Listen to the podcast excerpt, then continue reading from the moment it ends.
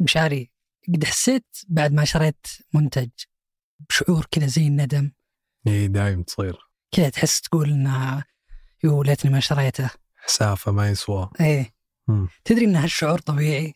بعلم المستهلك يقولون إن هذا الشعور دائما يواجه ال- العملاء بعد ما يشترون منتجات خاصة لما تكون غالية. كثير شركات تحاول تقلل من هذا الشعور اللي يصيب عملائها بأنها تذكر مميزات منتجاتها والأشياء هذه بالإعلانات اللي تطلعها للناس بحيث تقلل الشعور آه. اللي ممكن يجي عشان ما يقل الناس. شعور الندم بعد الشراء. بالضبط. هذا بودكاست الفجر من ثمانية بودكاست فجر كل يوم نسرد لكم فيه سياق الأخبار اللي تهمكم. معكم أنا فهد الخنين. وأنا مشاري الحمود. في الخبر الأول اليوم فنزويلا تنوي التخلص من عملة الدولار في تعاملاتها الاقتصادية. في الخبر الثاني ترميم متحف دمرته داعش في العراق.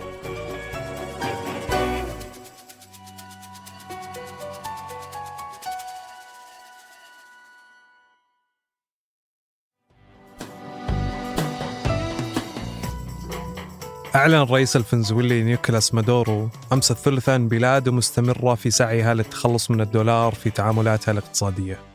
وقال في حديث الوسائل الإعلام المحلية أن هذه طريق فنزويلا لاقتصاد حر خاصة أنه يعتبر التعامل بالدولار طريقة لفرض هيمنة أمريكية على بلاده وتسهل فرض العقوبات عليها. في يوليو 1944 اجتمعت وفود من 44 دولة في مؤتمر بريتون وودز. بالعاصمة الأمريكية واشنطن. ووقتها تم التوصل لاتفاق جديد للنظام المالي العالمي. هذا النظام ربط عملات العالم بالدولار الأمريكي بسبب حيازة الولايات المتحدة غالبية الذهب في العالم. وطبعا كان جزء من الاتفاق أن أمريكا تتعهد بتثبيت قيمة الدولار على قيمة الذهب. فثبتت الدول الأخرى أسعار عملاتها قدام الدولار. ولكن هذا تغير لاحقاً. بالسبعينات فكت أمريكا وبالتحديد في عهد الرئيس ريتشارد نيكسون ارتباط الدولار بالذهب. وبالمقابل صار للدول الحرية بتعويم عملاتها وتحديد قيمتها بناء على حجمها في الأسواق العالمية. واليوم مثل ما نعرف بقى الدولار عملة احتياطية في العالم بسبب تسعير النفط بالدولار. وهالشيء يساهم في حماية العملة الأمريكية من الانهيار. وفي نفس الوقت يتطلب أنه كل الدول تدفع ديونها والتزاماتها بالدولار وتحتفظ بالتالي باحتياطات كبيرة من العملة الأمريكية في بنوكها. إلا أن الكثير من الدول تبحث اليوم عن بديل على أمل أن البديل يساهم في بناء نظام مالي مستقل عن أمريكا وسيطرة الدولار. وهنا يجي دور التحالف الصيني الروسي. البلدين روسيا والصين يناقشون دمج أنظمتهم المالية. وبادرت موسكو مثلا باستخدام اليوان الصيني في احتياطاتها الأجنبية. وفي حال تمت بتسرع هذه الخطوة في بناء نظام مالي مستقل عن أمريكا.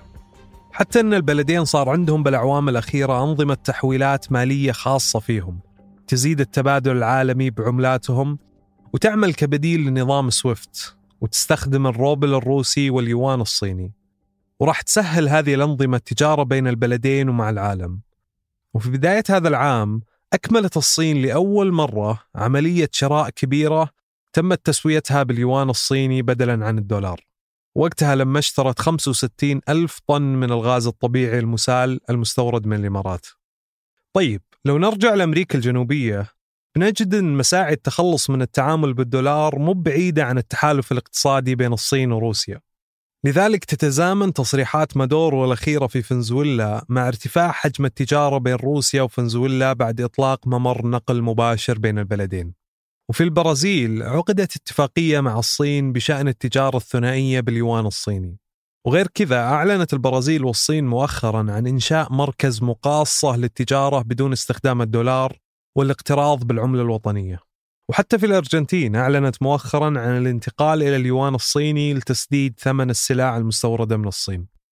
عموما لا زال الدولار الأمريكي يسيطر حاليا على 85% من مدفوعات التجارة العالمية. ويشكل قوة كبيرة تتمتع فيها الولايات المتحدة ويخليها قادرة على فرض عقوبات اقتصادية تجمد اقتصادات دول بأكملها. ورغم أن التوجه نحو التخلص من سيطرة الدولار ما هو جديد وما حقق تغيير كبير حتى الآن إلا أنه قاعد يمر بتطورات كبيرة خاصة مع التطورات السياسية في العالم.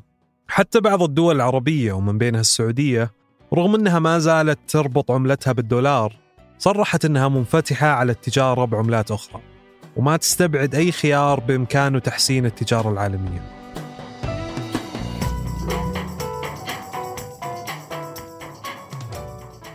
خلال ما يقارب أربع سنوات قضتها داعش في العراق دمرت الكثير من المدن التاريخية والمواقع الأثرية اللي ترجع لحضارات قديمة ويتجاوز عمرها آلاف السنوات. واللي نسبة كبيرة منها كانت تتمركز في مدينة الموصل ثاني أكبر مدن العراق. وأكثرها تضررا بالخراب والدمار اللي صنعته داعش فيها. وكانت مدينة نمرود الآشورية جنوب شرق الموصل ومرقد النبي يونس ومكتبة الموصل والكنيسة الخضراء من أهم المواقع التاريخية اللي دمرتهم داعش بالحرق والتفجير في الموصل.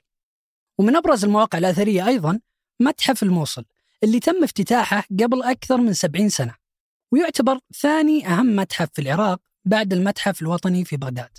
ويوم استولت داعش عليه فجرت قاعات العرض ودمرت آثار وتماثيل قديمة يرجع تاريخها لحضارة ما بين النهرين وبعد هزيمة داعش في العراق وخروجها منه في سنة 2017 شكلت شراكة دولية بين المجلس الوطني العراقي للآثار والتراث ومتحف اللوفر في باريس ومؤسسة سميثسونيان لإعادة بناء وتأهيل المتحف والقطع الأثرية المتبقية فيه.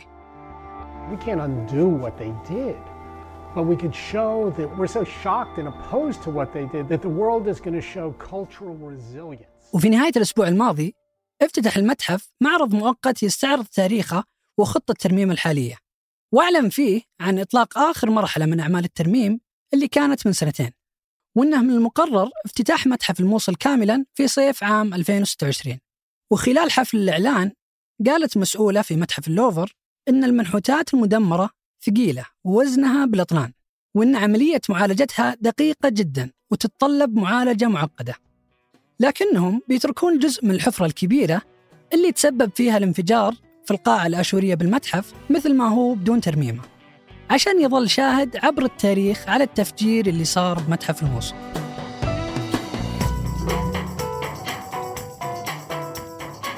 قبل ما ننهي الحلقة هذه أخبار على السريع. تستعد تركيا الجولة ثانية من الانتخابات الرئاسية بعد فشل أي من المرشحين بحسم النتيجة لصالحه ومن المقرر عقد الجولة الثانية قبل نهاية هذا الشهر. وتكون هذه أول مرة تحصل فيها جولة إعادة في الانتخابات الرئاسية التركية خلال مئة عام. بريطانيا تطلق أول خط للحافلات الذاتية القيادة.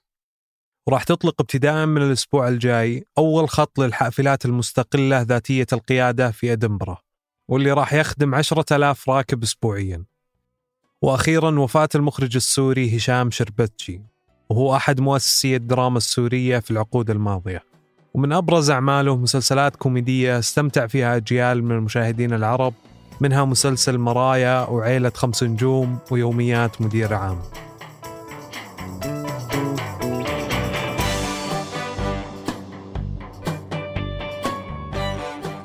أنتج هذه الحلقة لما رباح ورهف العصار وقدمتها أنا فهد الخنين. وأنا مشاري الحمود. وراجعها عمر العمران وحررها محمود أبو ندى. نشوفكم بكرة الفجر.